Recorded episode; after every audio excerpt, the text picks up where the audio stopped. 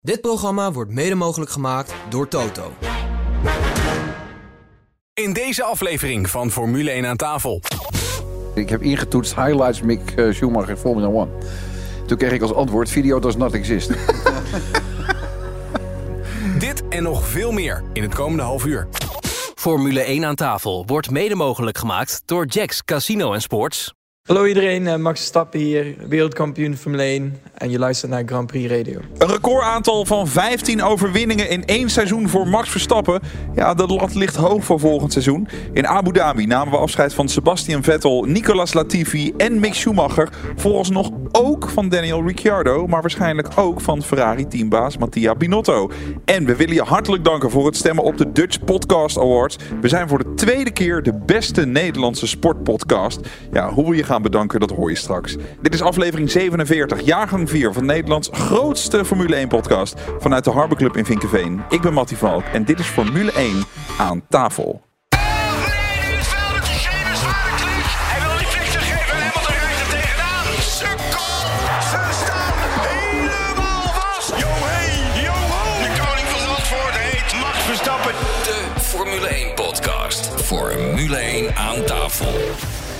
Bij ons vandaag, hij is eh, Radio 10 DJ bij Zomertijd, politieman en groot Formule 1 liefhebber. Daar is hij weer, Rob van Zomeren. Hallo daar en gefeliciteerd met de award-winning podcast.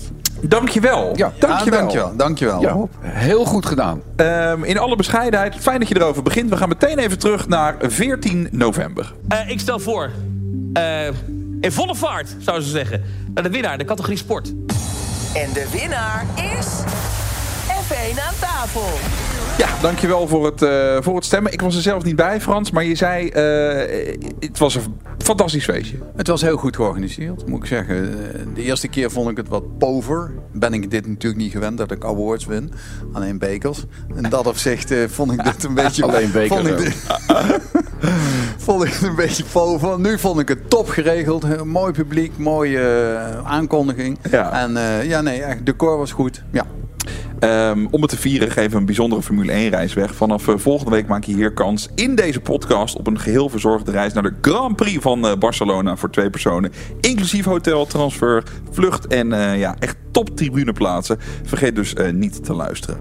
Dan bij ons, hij is journalist, commentator bij NASCAR en IMSA bij Ziggo Sport. Groot Formule 1 liefhebber Rick Winkelman. Rick, fijn dat je er weer eens bent. Ja, dankjewel. Leuk om hier te zijn. Het is grappig, want ik zit aan de andere kant van de tafel te kijken. Even opa verteld. Ja. Rob heb ik ooit zijn persberichten voor geschreven. Toen reed hij voor Kroon Racing. En toen was Frans Verschuur de concurrerende teambaas. En wat, Had en ik wat, een hekel aan Frans, jongen. Niet normaal. en wat was de inhoud van die persberichten? Was dat goed nieuws of slecht nieuws? Nou, nee, Meestal nee, zoals nee, nee. races, kort. Bij Rob, bij Rob ging het best goed. Ik kan me nog wel een klein incidentje in eh Bos uit, heette dat toen nog, eh, herinneren. Eh, en van Frans weet ik, ja, hij had altijd illegale auto's natuurlijk. Ja, als hij al eens een keertje in de beker gewonnen, zat er ook een keertje voor chemie bij gezeten. Want die met brandstof gedaan heeft, weet ik allemaal niet. Maar Rob heeft ook nog bij mij gereden. Zeker. Oké, oké. Ja, ja. In het eh, DTCC, zoals het toen heette. Oké, oké. Ja. Was ik alweer vergeten. Nee, dat was niet best wel eh, goed. Nou, kortom het, jongens, in het slopen van versnellingsbakken. de sfeer is goed hier. We gaan Ja, eh, lekker beginnen. versnellingsbakken. We gaan eh, terugblikken op de laatste race van het seizoen. Ja, voorafgaand aan de race werd er natuurlijk eh, volop gespeculeerd of eh, Max Verstappen Perez nu wel zou gaan helpen. Ja, dan moesten de omstandigheden dat natuurlijk wel toestaan. Max stond op pole, Perez stond daarnaast op eh, P2. We luisteren naar Olaf Mol. Zondag 20 november 2022. Lampen allemaal aan. Daar zijn ze uit en we zijn onderweg met Verstappen van Polen en Checo Perez. En het wordt al breed uitgewaaid. En Checo Perez aan de binnenzijde waar Verstappen houdt hier de leiding. Daarachter een beetje duw- en trekwerk. Het lijkt alsof George Russell wat verloren heeft. En ik denk ook dat Carlos Sainz niet zo'n hele lekkere start meegemaakt heeft. Ik weet het bijna zeker, denk ik. Leclerc valt meteen aan. Ja, ik zag op social media voorbij komen dat er een paar kijkers hadden verwacht dat Max Perez meteen er eh, voorbij zou laten. Wij kennen ze Max niet.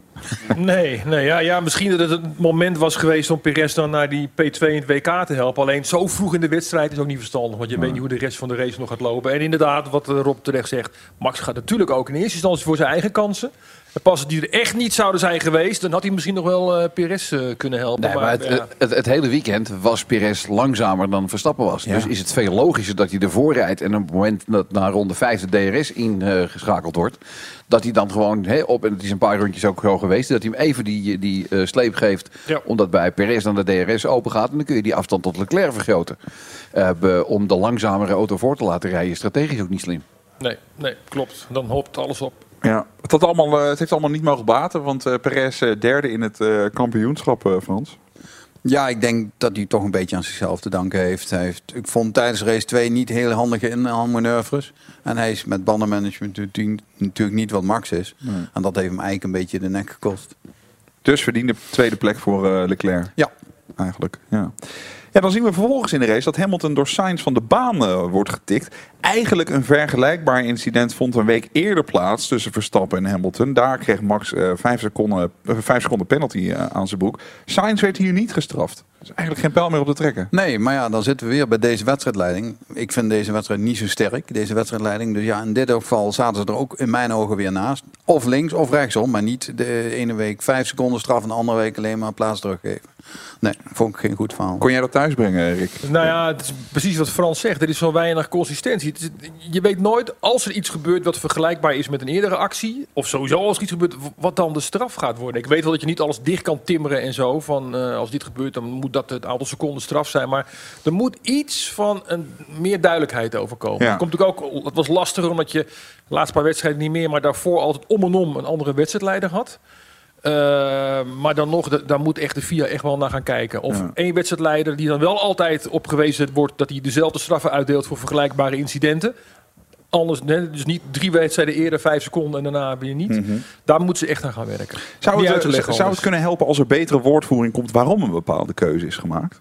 Ja, maar ik denk, ja, Met iets meer woorden en eh, dat we iets meer inzicht Ja, krijgen Maar in dan zou, in dan waar- zou ik dat, ja, vind ik wel een goeie. Maar dan zou je dat eigenlijk gewoon na de race even moeten doen. Ik denk niet tijdens de wedstrijd, maar waar- waarom niet inderdaad? Dat is een goed idee. Als dat de FIA gewoon na afloop van een wedstrijd zegt van oké, we hebben deze beslissingen genomen en die hebben hier en hierop gebaseerd. Of zoals in, een- in een rechtbank, dat ze verwijzen naar een, een incident wat er een keer gebeurd is. En daar heb je dan die straf gekregen. Nou, dit is vergelijkbaar, dus krijg je dezelfde straf. Ja. Ja, nu is het maar van ja. Goed idee. Veel gebeurt er in eh, die fase van de race niet tot ronde 30 van de 58. Dan komt er een vreemde boordradio van Perez. Luister mee. De winkel dat bij Max. Copy. Ja, I'm held up by Max. Wat bedoelt hij daar nou mee? Want hij zat helemaal niet zo heel dicht op Max. Ik ga ervan uit dat dit eh, een voor ons niet te begrijpen codetaal is. Waar waarschijnlijk een ander gevolg aan zat dan de woorden die hij sprak. Ik snap het niet. Zo vind ik hetzelfde zeggen dat een Lada wordt opgehouden door een F-16. ja. Ja, ik kon, ik kon het niet thuis brengen. Hij is ook nergens meer op teruggekomen volgens mij. toch? Ik maar niks meer van vergi- gezegd. vergis je niet, hè. Eh, wij horen heel vaak niet alle boordradio's en zeker niet de volledige boordradio's. Mhm. Je hebt dat verhaal van Max Verstappen in Singapore. Dat hij ooit keihard no riep, weet je wel. Dat hij niet Sainz eh, voorbij wilde laten of zo. Maar dat was een onderdeel van een heel lang verhaal. Waar alleen no eruit is gehaald. We hebben het er nog steeds over, maar dat Ja. is puur. Dat, dat is gewoon ja. entertainment. Dus je hoort nooit de volledige boordradio. Moet je een beetje oppassen om daar heel veel conclusies aan te verbinden. Er zit ook een paar seconden vertraging in volgens mij. De timing Ja, is ook nog. niet Ja, helemaal... ja, ja, alles moet natuurlijk worden gecensureerd en gecheckt. En inderdaad misschien wel eh, kort geknipt en eh Ja, whatever. ja, ja, precies. Ja. Ja. Dan is er in eh, ronde 39 toch nog even een momentje. Het leek alsof er wat reuring in de wedstrijd kwam. Hoofdrolspeler eh, Latifi. Ja, daar gaan we hoor. Oh, Tua, Latifi. Tuurlijk joh. Vorig jaar ook. Ja, dat was een mooi pirouetje van die twee, eh, Frans. ja, maar dit keer kon Latifi er niks aan doen. Nee, want precies. Schumacher die, eh, deed het heel dom. Ja. Maar hij remde ook wel heel erg vroeg hoor, Latifi. Jezus, ik denk dat mijn moeder nog later geremd had. maar dit was echt waar niet te geloven joh. Ja, ook de remmen en insturen. Boom. Ja, In, echt, in, eh, één- één handeling. ja. Het zag er wel mooi uit. Nou ja, het was bijna synchroon zwemmen. Ja. Dus, dus dat, was wel, dat was wel grappig voor het plaatje. Het waren bijna alsnog die donuts volgens mij die eh, Mick Schumacher op het einde werden verboden. Wat Ja. is daar aan de hand? Ja, die wilde na afloop van de race donuts doen, maar dat mocht hij niet. Nee. Met welke reden dan? Ja, maar het, er was Schade. ook een aantal... Nooit waar die schade dat, dat zou het best kunnen inderdaad. Maar er was ook een aantal plekken aangewezen waar de coureurs donuts mochten doen. Oh, en voor mij, waar, waar Schumacher dat deed, was niet zo'n plek. Ik dacht, gun hem nog even zijn feestje, dacht ik. Ja, misschien dat hij daar met vrienden had zitten of zo. Ik Ja, weet het niet. wie weet, ja. Ja. Ja, dat incident had dan verder geen invloed op eh, de wedstrijd. Na een korte gele vlag kon men gewoon eh, verder. Ja, en dan is er toch weer gedoe rond eh, de bandenkeuze bij Ferrari. Leclerc is eh, lange tijd in onzekerheid of hij naar binnen moet komen. Komen we toch weer uit eh, bij eh, Binotto. Afgelopen week kwamen er wat geruchten naar buiten dat eh, Binotto vervangen zou worden door eh, Frederik Vasseur bij eh, Ferrari. Ja, hij ehm, zou overkomen van Alfa Romeo in de rol van eh, Binotto. Daar wordt nog steeds over gespeculeerd. Frans, ik stuurde dit in onze groepsapp en toen kreeg ik eh, terug, ik zei het toch? Ja, Van jou. ik heb eh, dit al twee jaar geleden gezegd dat het gebeuren moest. Ze zullen dat nooit in een seizoen doen, want dat is natuurlijk helemaal beschamend voor Binotto. Die eigenlijk van de technische afdeling komt van Ferrari, met, van de motorenafdeling, dacht ik. En laat hij daar naartoe teruggaan, want ze hoeven hem dan, dan hebben ze hem ook niet zeg maar, afgeschreven. Dan Nee, is hij een andere functie. Ja, andere functie elders. Ja. En dan, dan heeft hij toch nog wat bij Ferrari te melden. En dat is natuurlijk een, eh, iemand die zijn hele leven al bij Ferrari zit. Nou, laat hem dan naar motor gaan, want daar had hij aardig voor elkaar. Maar dit kan niet meer, joh. Dit is gewoon niet... eh, ja, dat zullen ze ook daarin zien. En ze ontkennen het nu nog wel. Maar ik denk dat er in december of zo een klein persberichtje komt. Ze zaten heel kort op de bal om het te ontkennen, viel mij op. Er kwam meteen een persbericht bovenop van Ferrari dat alle geruchten, en die waren eigenlijk nog in de, in die, die, die geruchten, het liep nog helemaal niet uit de klauwen. Het waren wat, wat, wat, wat kleine media-outlets die het melden, maar ze zaten meteen en zeiden, nee, dit is niet waar.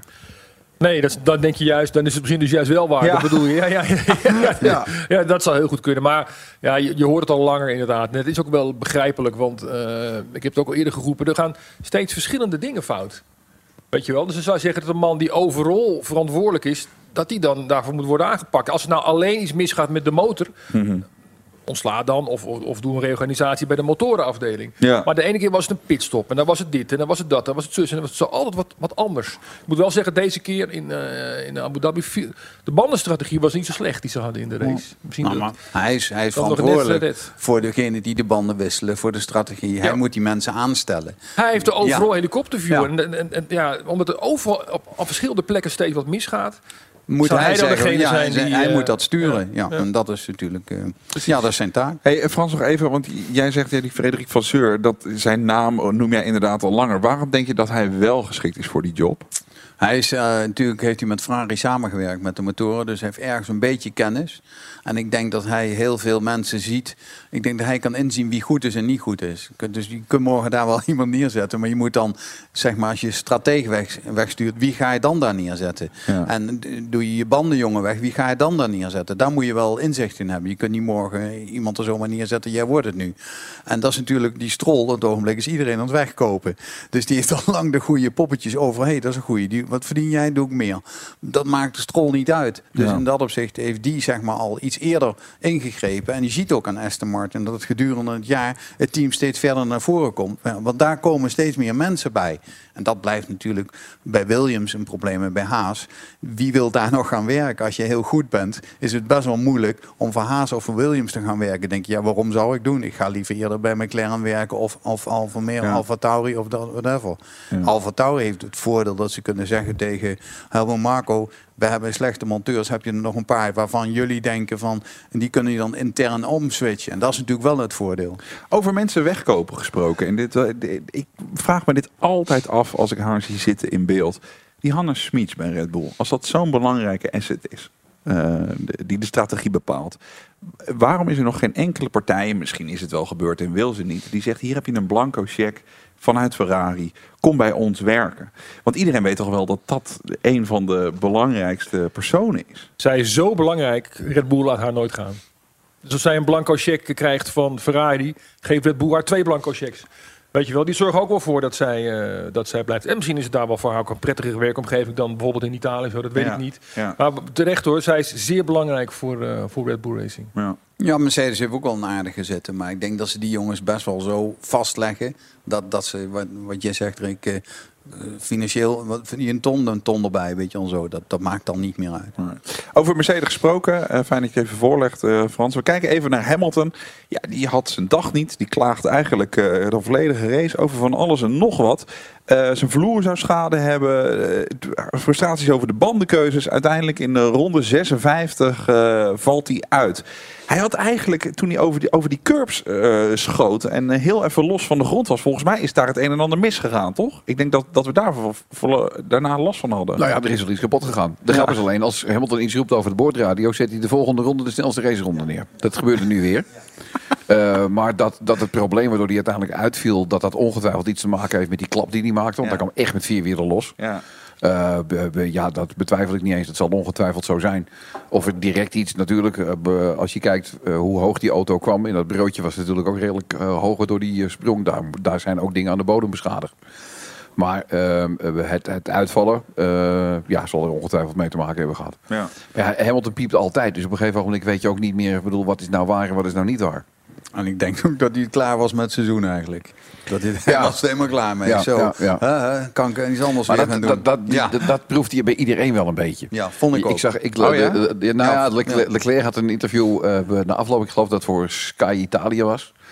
En eh, toen eh, riep hij ook eh, vol trots hè, van nou, dit was een race waarbij alles wat wij van tevoren bedacht hadden ook precies zo zich ontvouwde. heb het Van de ja. dummy tot Perez, van de, eh, bij iedereen laten geloven dat wij op een twee-stop strategie zouden zitten. En denk ja, gefeliciteerd Pik, is de laatste race. Weet je, en dat is de eerste keer dat het gaat zoals je wil. Ja. Misschien is voor Binotto net genoeg geweest om er toch te mogen blijven. Nee, ik denk ook dat eh Vasseur gewoon meer autoriteit uitstraalt dan dat eh Binotto doet. Als ik heel eerlijk ben. Ik denk dat hij meer te vertellen heeft binnen een team. Of Eh, mensenkennis heeft. Ja. Nou, dat, dat, dat denk ik ook. Ik, ik denk dat Ferrari er niet op achteruit zal gaan als Vasseur het door. Nee, maar het is wel terecht, wat, wat jij, volgens mij was jij dat zei. Hij is een motorenspecialist, Binotto. Dus je kan hem gewoon bij, bij Ferrari nog gewoon houden. Ja. Hij is zeer gewaardeerd. Hij was wel engineer van, want, eh, van bedoel, Schumacher. Eén ding weet het wel, Vasseur is geen Italiaan. En Italianen Ja, hebben natuurlijk... ja. ja, het, moet wel op een nette manier Ja. gebeuren. Nou, die escape heb je. Ja. Hè, want hij zou in principe gewoon terug kunnen gaan naar de motorafdeling. Ja, precies. Ja. En daarnaast, iedereen was er wel. Het seizoen is erg lang. Hè. Volgend jaar wordt het nog langer. Het is echt slopend voor die Ja. mensen. Je ziet het ook, ja. Dit, dit, ze moesten dit weekend afwerken, want er was eigenlijk niks meer te winnen, behalve een tweede en derde plek. Dus iedereen ging zich daar maar druk om maken. En dat we en een, een constructeurkampioenschap tweede en derde, dat we daar ons druk over maakten. Ja, maar eigenlijk is zo'n seizoen te lang. Ja, die tweede en die derde plek, dat werd nog even spannend in eh, de slotfase van de race. Perez zit in de achtervolging op Leclerc, maar krijgt hem uiteindelijk niet meer te pakken. Ja, dat kost hem uiteindelijk één punt in het eh, WK-kampioenschap. Eh, hij is derde geworden. We luisteren even naar de laatste finish van het jaar. Verstappen onderweg naar zijn 35ste overwinning. En drie jaren op rij wint hij de Grand Prix van Abu Dhabi. Pakt er weer een bij voor het seizoen en heeft dat record stevig in handen. Leclerc wordt tweede en blijft in het WK tweede in Checo Perez. Wat is het? 1,3 seconden. Ja, ik zeg het werd nog even spannend. Werd dat het ook echt Frans? Of dacht jij van nou, dit, wordt, dit gaat hem niet lukken? Nou, hij verklootte het zelf een beetje, op zijn Hollands gezegd. Een Eh, beetje? Het rondje daarvoor haalde hij hem in op het eerste rechte stuk. En vervolgens kruiste, kruiste Hamilton hem weer terug. Ja, dat weet je. Als je dat, dat, dat, is, dat is het voordeel van Abu Dhabi. Dat gebeurt elke keer daar. Dus hij had de eerste keer al achter Hamilton moeten blijven. En hem dan op het rechte stuk voorbij. Dit heeft hem gewoon, een, denk ik, een seconde gekost. Of Dat heeft hem 1,1. ze, en de ronde daarvoor Ja. heeft hem ook een seconde. Want toen verremde hij zich. Ja. En toen eh, werd hij uh, uitkomen bocht ook weer gepasseerd richting eh, op het rechte stuk. Dus hij heeft het helemaal zelf. Als je die twee seconden, Ja. dan had hij gewoon binnen een seconde had hij gewoon de tweede plek kunnen eindigen. Dus hij doet het helemaal zelf. En of Max nou in eh, Mexico wel of niet eh, voor hem eh, Had niks uitgemaakt. had niet uitgemaakt, want de achterstand is drie punten en had er hooguit twee bij gekregen. Dus dat had ook niet uitgemaakt. Ja. Het had eh, wel even lekker geweest als hij tweede was geworden uiteindelijk. Toch nog, ik denk ik, voor, eh, voor, om de rust in de tent een beetje terug te krijgen. Ja, ja, ja, maar aan de andere kant, als je hem dit soort foutjes ziet maken, snap je ook waarom Verstappen daar de eerste rijder is en Perez daar de tweede rijder is. Nog steeds een briljante coureur, dat begrijp me niet verkeerd. Maar dit soort foutjes op cruciale momenten, dat, ja, dat Nee, maar betaalt. bedoel, dat- dat het, enige, het enige, hè, want dat hoor je nu ook wel, wat Max had kunnen doen, is zich laten terugvallen. En dan vervolgens eh, Leclerc ophouden. Maar dat is onsportief. Ja. Kijk, iedereen Maar dan zegt, had iedereen Leclerc in zegt zijn dan van- DRS gekomen natuurlijk. Ja, en dan moet je nog maar afwachten hoe dat uiteindelijk afloopt. Kijk, eh, we- mensen vergelijken dan wel van... ja, kijk eens hoe Perez hem, eh, Hamilton heeft opgehouden... zodat Max kon aansluiten. Ja, maar toen was Hamilton de snellere auto... en die liep gewoon op hem in. En, en dan probeert, want dat ging volgens mij gewoon toen nog om een positie in de race. Dan ben je gewoon iemand hè, het zo moeilijk mogelijk aan het maken om je te laten passeren. Dit zou gewoon onsportief zijn geweest als je dat doet. En kijk om naar het hele seizoen kun je toch onmogelijk, zeker de eerste helft van het seizoen, kun je toch onmogelijk beweren dat Leclerc die tweede plek niet verdient. Nee, absoluut. Absoluut. Dus ik vind wat dat betreft, het zou echt competitievervalsing zijn geweest als Verstappen bovenop zijn rim was gaan staan en eh, Leclerc was gaan pesten. Nee, het enige wat hij had kunnen doen is in het begin de eerste paar ronden zorgen dat Pires erbij krijgt. En wat jij eerder zei, zorgen dat hij in de DRS-zone kwam en hem dan meezuigen richting... Ja, want Verstappen heeft die techniek, die heeft die kennis, die kan hem op, op 18e houden, elk rondje. En dan doe je dat 5, 6, 7 rondjes en dan ben je 3, 4 seconden weg van Leclerc. Ja, maar, Perez overkwam hetzelfde wat ook eh, de Mercedes overkwam. Te veel eisen in de eerste stints van je banden en vervolgens het niet meer kunnen bijbenen. Waardoor de rest in het vervolg van die stint gewoon uitloopt. En dan moet je in principe wel een... Het was niet een keuze om een pitstop te maken. Hij had zijn banden zo verkloot, hij moest wel. Ja. Al zei Max wel op het laatst van, eh, zeg maar tegen Checker dat hij eh, full out kan gaan, hè? Ja, maar dat was op wit. Ja, klopt. Ja. Dat was op wit. Dus ze zijn allemaal op medium weggegaan. En die heeft hij gesloopt, te snel. Ja. Na de break in eh, F1 aan tafel spelen we Raad het Autogeluid. Je kunt winnen een volle tank brandstof voor je auto en het Flitsmeister 2 pakket. Er komt een uh, vraag uh, voorbij van Jacqueline Baks, onze luisteraar, over het uh, drinken met rietjes. Nico Hulkenberg komt weer terug en we gaan het hebben over het afscheid van Sebastian Vettel. Tot zo. Stap overal in de wereld van Jacks.nl. Check out, check in. Ontdek een wereld aan sportweddenschappen, roulette, blackjack en nog veel meer casinospellen op Jacks.nl. Jacks Casino en Sports. You're welcome. Wat kost gokken jou? Stop op tijd 18+. Plus. Denk, Tink, Max Korting. Profiteer en race nu naar Dink.nl.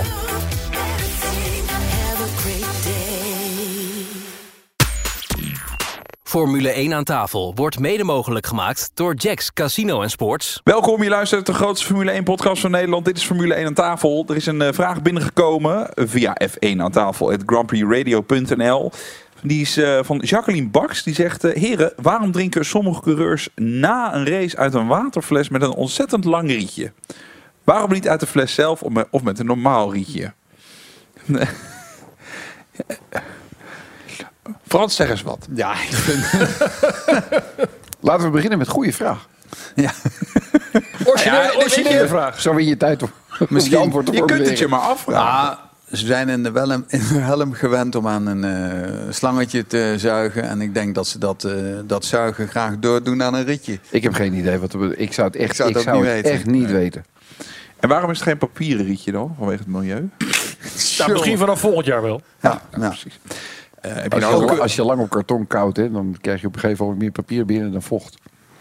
heb je nou ook een vraag? Wil die dan eh, naar F1 aan, ta- aan tafel at grandprixradio.nl? Hoor je misschien in de volgende podcast. Mick Schumacher, die moet vertrekken bij Haas en er wordt vervangen door eh, de enige echte comeback kid, Nico Hulkenberg. Ja, Gunther Steiner, die gooide het vooral op de ervaring van Hulkenberg. Hij tekent voor één seizoen. Schumacher eh, werd ook aan de kant geschoven omdat hij dit seizoen eh, regelmatig de deksel op zijn neus kreeg van eh, Magnussen. Voor Schumacher is die totale exit dan nog niet helemaal zeker. Mercedes heeft meer dan gemiddelde interesse om zich aan hem te verbinden als reservecoureur. Is dat de juiste keuze voor Haas, Frans? Dat ze Nico Hulkenberg op zijn plekje zetten? Ja, ook een beetje een armoedebod. Er is, er is, eh, ze konden liefst met een Amerikaan, maar ja, die had te weinig punten. Dus ja, wat moet je dan? Kijk eens om je heen. eh, ja, ik zie ook niet een ander die wel op de plekje kunnen zitten. Nee. Eh, Ricciardo wou denk ik niet. En eh, ja, Vettel stopt. Ja, dan uh, Latifi maar niet over praten. En dan de Formule de Drukovic. Nou, die was in de, in de eerste training, toen hij een kans kreeg, was hij laatste. Ja, dat zijn allemaal dingen die, die niet meetellen. Dus ik denk, ik vind het een armoedebod. En van het armoedebod is hij de beste. Hoe eh, moeilijk is het om na drie seizoenen terug te keren in, eh, in F1? Hoe lang ben je bezig om weer eh, je mojo terug te vinden? Hulkenberg eh, bedoel je? Nou ja, die heeft natuurlijk een aantal keer bij zijn invalbeurt heeft hij het eh, verrassend goed gedaan. Door echt gewoon, ik kan, voor mij was het Silverstone twee jaar terug of zo. Ja. Toen hij echt Ja. pas op de zaterdag of zo in de auto Ja. kwam. Hè? Ja. En bam, toen ging het helemaal niet slecht. Dus wat dat betreft is natuurlijk de ervaring van Hulkenberg wel heel belangrijk. Maar ja, weet je... Ik, ik had toch een jonge gast geprobeerd als ik, eh, als ik haast was. Een, Ik vind die Lawson. of zo, weet je wel. Of Lawson. Een Liam Lawson, ja, had ook gekund. Maar vind je ook niet dat, eh, dat, dat Hulkenberg... eh, wat meer constanter is als, als eh, Magnussen. Want ik vind Ja, ze, ze Magnussen gaan natuurlijk, ze gaan natuurlijk bij Haas op, op, op ervaring. Om Ja. als er een keer zich een kans voordoet, wat we in Brazilië zagen. Ja, dan pakt iemand als Magnussen en iemand als Hulkenberg, die pakt hem meteen. Terwijl misschien een ervaren coureur door dat moment van ik kan nu pol pakken of punten pakken, whatever. een- Eerder een foutje gaat maken of zo. Dat zullen die mannen niet doen. Maar het is, ja, het, het is ook wel weinig gedurfd, weinig. Ja, het is een hele veilige keus. Maar of het nou de beste keuze is, ik betwijfel het. Want je hebt al één ervaren man, doe er een jonkie naast. Moeten we het nog hebben over eh, dat filmpje wat iedereen eh, nu aanhaalde eh, een aantal jaren geleden, Suck My Balls? Of is dat echt, is dat gewoon geinig? Dat, is toch al lang. Dat is nu verleden tijd Ja, natuurlijk. Ja, ja, ja, ja, ja, ja. Ja. Hey, maar even nog heel over, over Mick Schumacher. Daar heeft kennelijk Mercedes dus interesse in. Dus je bent niet genoeg, goed genoeg voor Haas, maar wel voor Mercedes. Commerciële keuze van Mercedes. Ja, dat denk ik ook. Ja. Weet je, ik, ik ging laatst op YouTube kijken en dan heb je zo'n zo'n zoekvenstertje. En daar staat, ik heb ingetoetst highlights Mick eh, Schumacher Formula One. Toen kreeg ik als antwoord, video does not exist. dus dat zegt, dat zegt ook wel iets. Ja. En eh, eh, eh, ja, in het land der blinden is één oog koning. Dus wat dat betreft snap ik wel dat eh, de keuze op Hulkenberg... je hoeft geen gekke dingen te verwachten. Overigens niet in positieve, maar ook niet in negatieve zin. Schumacher is er zelf, als we naar zijn woordvoering kijken, wel redelijk. Houdt, het, houdt er de rekening mee dat hij ooit nog terugkeert in de F1? Ik denk het niet. Nee. Ik denk het ook niet. En als het is, dan is het om commerciële redenen en vanwege Ja. zijn naam. En, en er komen nu net een paar aan die het net niet gehaald hebben. Lawson, eh Theo Poucher. Er zijn er echt een paar die net te jong zijn of net niet genoeg punten. En die zijn er volgend jaar wel. Dus ik denk dat er volgend jaar drie, twee of drie wel zijn. Ja. Die, die wel eh, kans hebben. En daarom hebben, krijgen ze ook allemaal maar een één contract. Er zal misschien ook volgend jaar een Amerikaan zijn. Die wel bij Haas erin komt. Dus natuurlijk een Amerikaans team. Ja, die denken daar ook aan. Dus dan zal denk de ik dat er komende wel- jaren weinig verloop zijn, denk ik. Ja, met Magnussen en met, met Hulkenberg. Maar als je nu kijkt hoe jong de coureurs allemaal nog zijn. Of het nou Verstappen is, of Norris, of noem maar op, Leclerc, Sainz. Die kunnen allemaal nog zo lang mee. Ze zijn allemaal zo goed, hele goede generatie nu. Er zijn er een paar die één jaar contract hebben. En wat zijn contracten in de Formule 1? Ja. Ik denk als Nick de Vries eh, achter eh, zijn teammaatje blijft rijden, dat, dan moet hij dus voor eindigen. Dan is zijn plekje wel goed. Ja. Maar als hij achter zijn teammaat blijft scoren, ja, dan zijn er zat die dat plekje overnemen. Die werd trouwens wel op een hele leuke manier afgeleverd bij AlphaTauri. Ja. Heb je Ja. gezien? Dat Op een steekwagen. Ja, op een steekwagen Ja. vastgebonden met tie wraps. dat was wel grappig. Ja. Echt goed. Raad het autogeluid. We geven je in eh, F1 aan tafel de kans om een volle tank brandstof voor je auto te winnen. En het Flitsmeister Tourpakket waarde van 80 euro. We spelen Raad het autogeluid. Mario de Pizzaman is afgereisd naar eh, Druten. En eh, die staat bij het autobedrijf van eh, Paul van Bergen. Met topverkoper Jan Knevel. Tijdje geleden, auto met ster. Ja, ja, ik dacht ook eh, van na al het geweld van de afgelopen weken gaan we het een beetje rustig aanpakken. Wat is de kleur van deze wagen? Zenaniet grijs metaliek. Wordt steeds ingewikkelder. Ja, het wordt ook steeds eh, completer allemaal. Mooi dashboard. Ja, volledig eh, digitaal dashboard erin. Ja, het zijn de rijdende PC'tjes, Mario. Oké, dan eh, gaan we over tot de orde van de dag. Het geluid. Daar gaat hij, ik slinger hem aan voor je.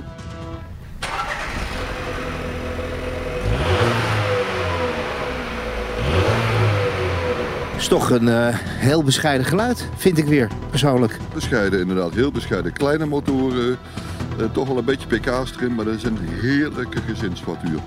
Goed, eh, waar vinden we deze auto? Deze vinden we op www.paulvanbergen.nl. Ja, daar vind je hem wel.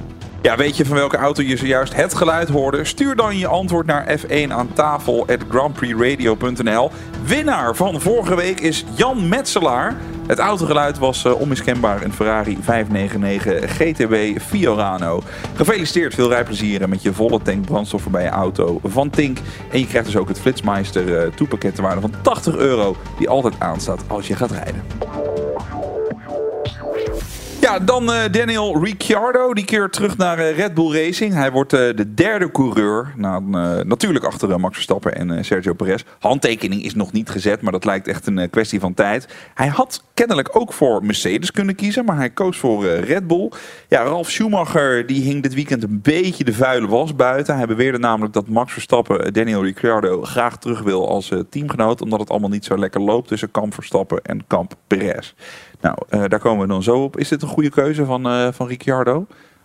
Ik denk dat in ieder geval voor hem, en dan niet zozeer het fysieke, maar wel het mentale deel, dat het wel verstandig is om gewoon... Hij wilde gisteren in een interview niet het woord eh, gebruiken dat hij zichzelf weer moest ontdekken.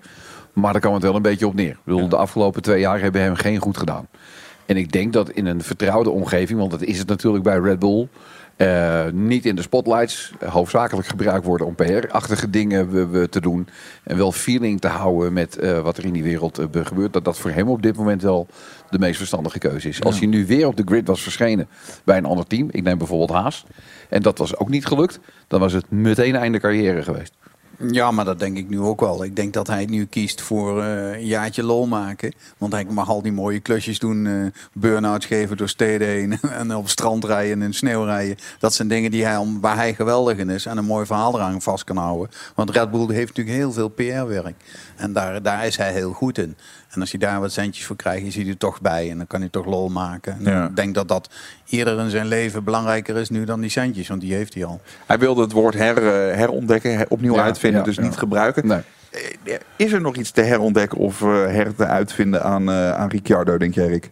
Nou, ik denk, ik zie eerder dat hij zich eh, focust op zijn werk bij, eh, bij Red Bull Racing met al die demo's. Wat je nu heel vaak Dave Coulthard nog, eh, nog ziet doen. Dat Ricciardo dat heel vaak gaat doen. Ook een soort commerciële keuze eigenlijk van Red Bull. Heel slim om dat te laten doen door, door Ricciardo. Dat laten we eerlijk zijn, PR-matig heb je aan Max en aan Perez heb je niet veel. Nee, en Die hebben Ricciardo wat dat die, betreft die krijgt echt altijd allebei eh, altijd niet heel veel. Ja, ja. Maar daarnaast kan hij wel wellicht nog in een andere klasse gewoon blijven racen. Misschien kan hij wel wat de World Endurance Championship eh, gaan doen. Of in Amerika.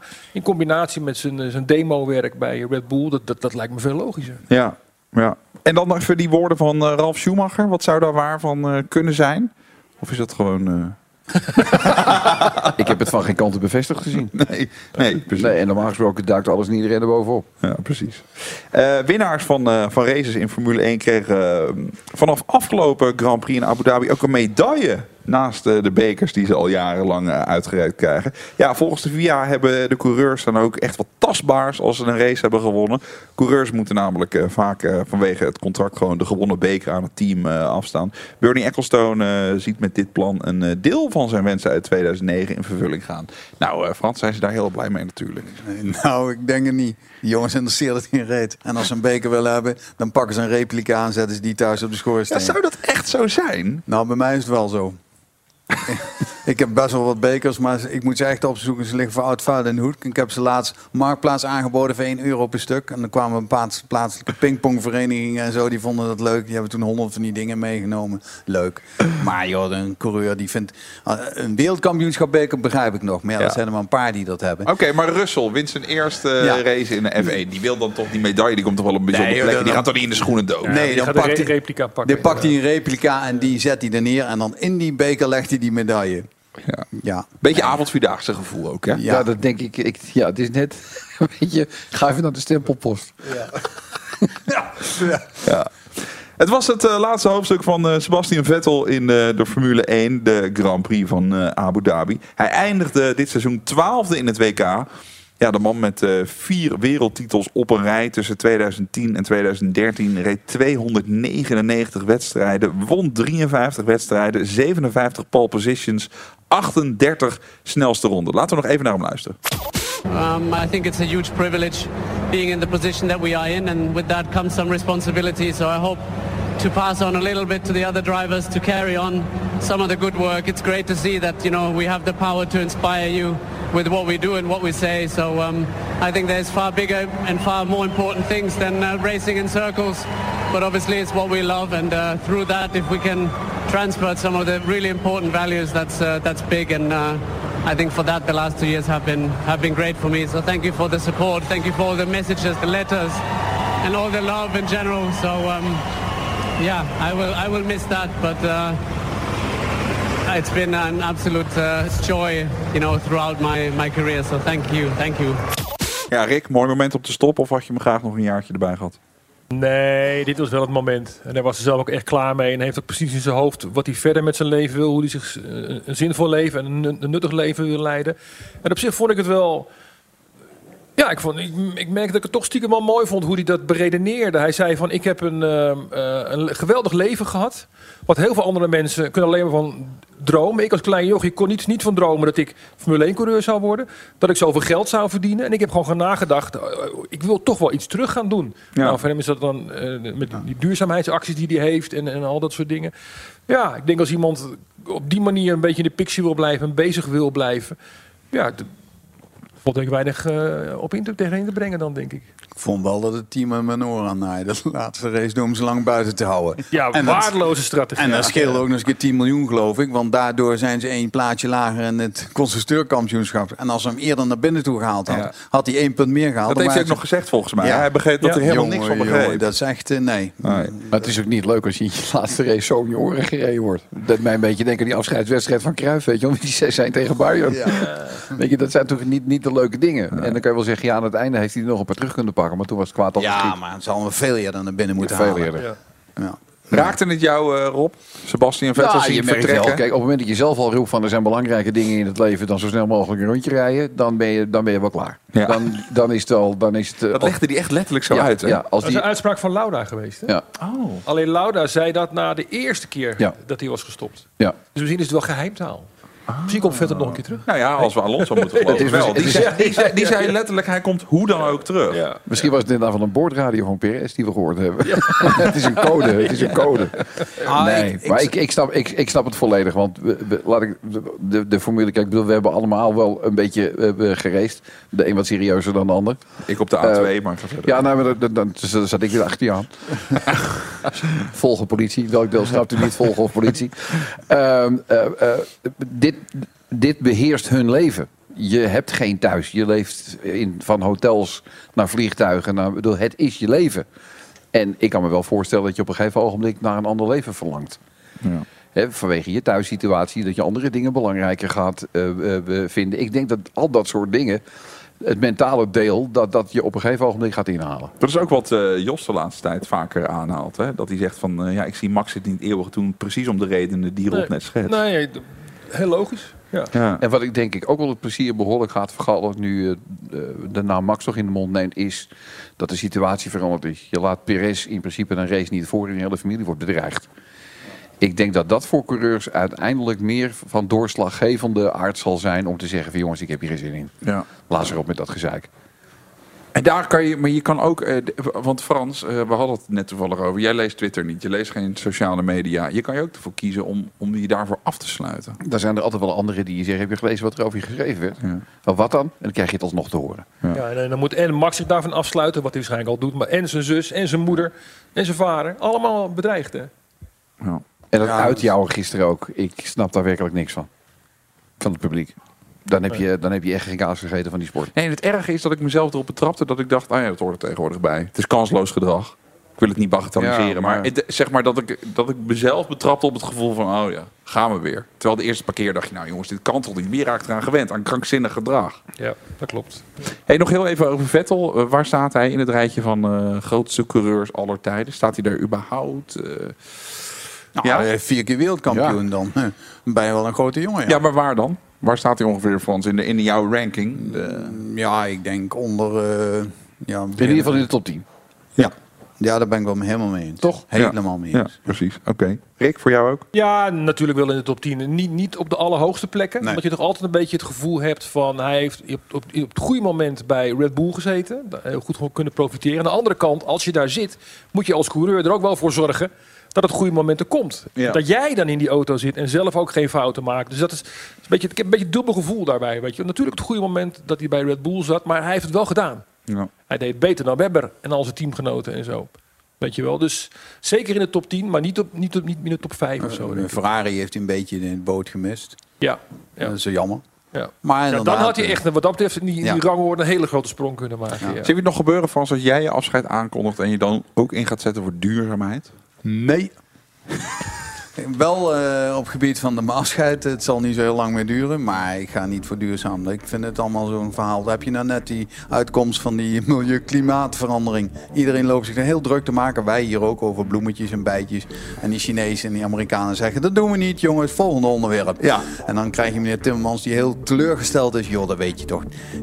Zoals Brazilië, Amerika China hebben andere problemen.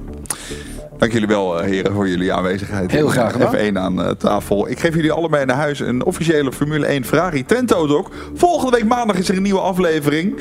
Redactie was in handen van Koen Bakker en Sjaak Beumer. Vormgeving en montage Marnix Westhuis. Draaiboek Mario de Pizzaman. Ik ben Mattie Valk. Tot volgende week. En blijf nog even hangen voor de bonus. De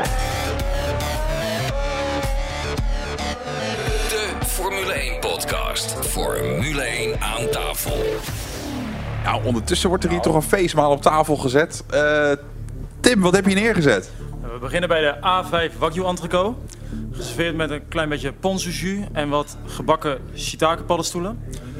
Daarnaast hebben wij een dessertje, de Vegan Bom. Een compleet veganistisch dessert. Een limoencakeje gevuld met mango, een mango gel, miso karamelsaus en kokos limoen laos sorbet ijs. We hebben de salmon torch roll met wasabi mayo en teriyaki saus. De gebakken oesters met spinazie en hollandaise saus. En wat rolletjes peking duck met hoisinsaus en komkommer en en Het ziet er echt waanzinnig lekker uit. Lekker. Tim, dankjewel. Tim, dankjewel. Jongens, ik krijg net eh, door dat eh, Matthijs van Nieuwkerk stopt bij, uh, bij BNN Varen. Heb je dat een beetje gevolgd, Frans? Ja, ik volg dat wel, ja. Wat vind je ervan, van het hele verhaal? Ja, ik vind het een beetje lijkt wel een modetrend of zo. Van, als er eentje over de dam komt, dan, dan vallen, vallen er meer klappen. Maar ik denk, als je iets wilt presteren, dat er altijd wel een soort, niet tirannie, maar wel een soort structuur moet zijn van iemand die zegt, zo en zo wil ik het. Dus het En- gedrag wat beschreven wordt, dat vind jij oké? Ja, ik heb het gedrag, weet ik niet precies wat er geschreven is. Maar als hij tegen een redacteur zegt van eh, dat en dat doe je verkeerd en dan moet je anders doen, want ik- hier baal ik van. Ja. En daarnaast heeft zo'n redacteur, die loopt nu te zeggen dat hij weg is gegaan, geloof ik. En blijkt dus achteraf dat hij later nog een paar andere programma's met, met Matthijs gemaakt Ja, dat was de eindredacteur, ja. Ja. Die, die, Ja. die Duke Winia. Ja, dus dan, dan eerst zeg je, nee, ik ben weggaan, was het niet mee eens. En vervolgens ga je wel een paar andere eh, dingen met hem maken. Ik vind dat heel raar. Ik zou ook wel eens de definitie willen weten van wat is nou grensoverschrijdend gedacht. Is dat niet heel subjectief? Want waar de een heel makkelijk mee kan omgaan, is de ander misschien een maand van de leg. Nou ja, waar ik me over verbaasd heb, is dat de, de voorbeelden die worden gegeven. Volgens mij zijn er 70 oud-medewerkers gesproken. Dus er is wel echt diepgaand onderzoek gedaan door de Volkskrant. Is dat, en, en daar sluit ik me wel bij aan, eh, Frans. Dat de mensen die eromheen hebben gestaan, die er vanaf wisten, hebben het eigenlijk continu gefaci- gefaciliteerd. Dus bijvoorbeeld Frans Klein, eh, die hoog in de top zit bij, bij de NPO. Duker, de eindre- eindredactrice. En volgens mij wisten die het allemaal. Heeft Matthijs van Nieuwkerk wel serieuze issues? Want als je de, de dingen ziet die daar beschreven zijn, ja, dat gaat wel echt grenzen over. En dan kunnen we zeggen, ja, iemand kan tegenwoordig niks meer hebben. Dat ging gewoon te ver. Maar er is ook niks, er is ook niks aan gedaan. Er is ook niet wat, wat is er nou precies gebeurd? Want ik bedoel, ik Nou hoor, ja, de voorbeelden, heb je net stuk gelezen? Ja, hij, maar- hij is zeker niet handtastelijk geweest. Nee, dat maar dat, dat is ook niet in. Nee. Er, is, er is volgens mij ook helemaal niemand die dat beweert. Eh, alleen de manier waarop hij te werk is gegaan, dat, dat gaat natuurlijk wel te ver. Dat kan natuurlijk niet. Ik was er Dus- niet bij. Dus, Ik- in, dus in ik zeggen. Was er gewoon niet bij. Laat ik het zo stellen, als met mij een bandenmonteur eh, een pitstop verkloot, dan krijgt hij echt gigantisch op zijn kloot hoor, waar iedereen bij zit. Mhm. En als hij het er niet mee eens is, dan gaat hij maar weg. Dan neemt hij ontslag. Ja. En waarom zijn al die 70 mensen dan gebleven? Dat is Nou ook ja, wel zo leuk bij. Nee, maar oké, laat ik het Nee, anders er, zeggen. zijn 70, er is met 70 mensen gesproken. Ik heb niet begrepen dat al die 70 mensen ook daadwerkelijk iets te klagen hadden. Nee, maar ik, een stukje uit het artikel is bijvoorbeeld... iemand moest op zijn knieën... Een, op verzoek van Matthijs van Nieuwkerk zijn excuses aanbieden en zeggen sorry meneer van Nieuwkerk.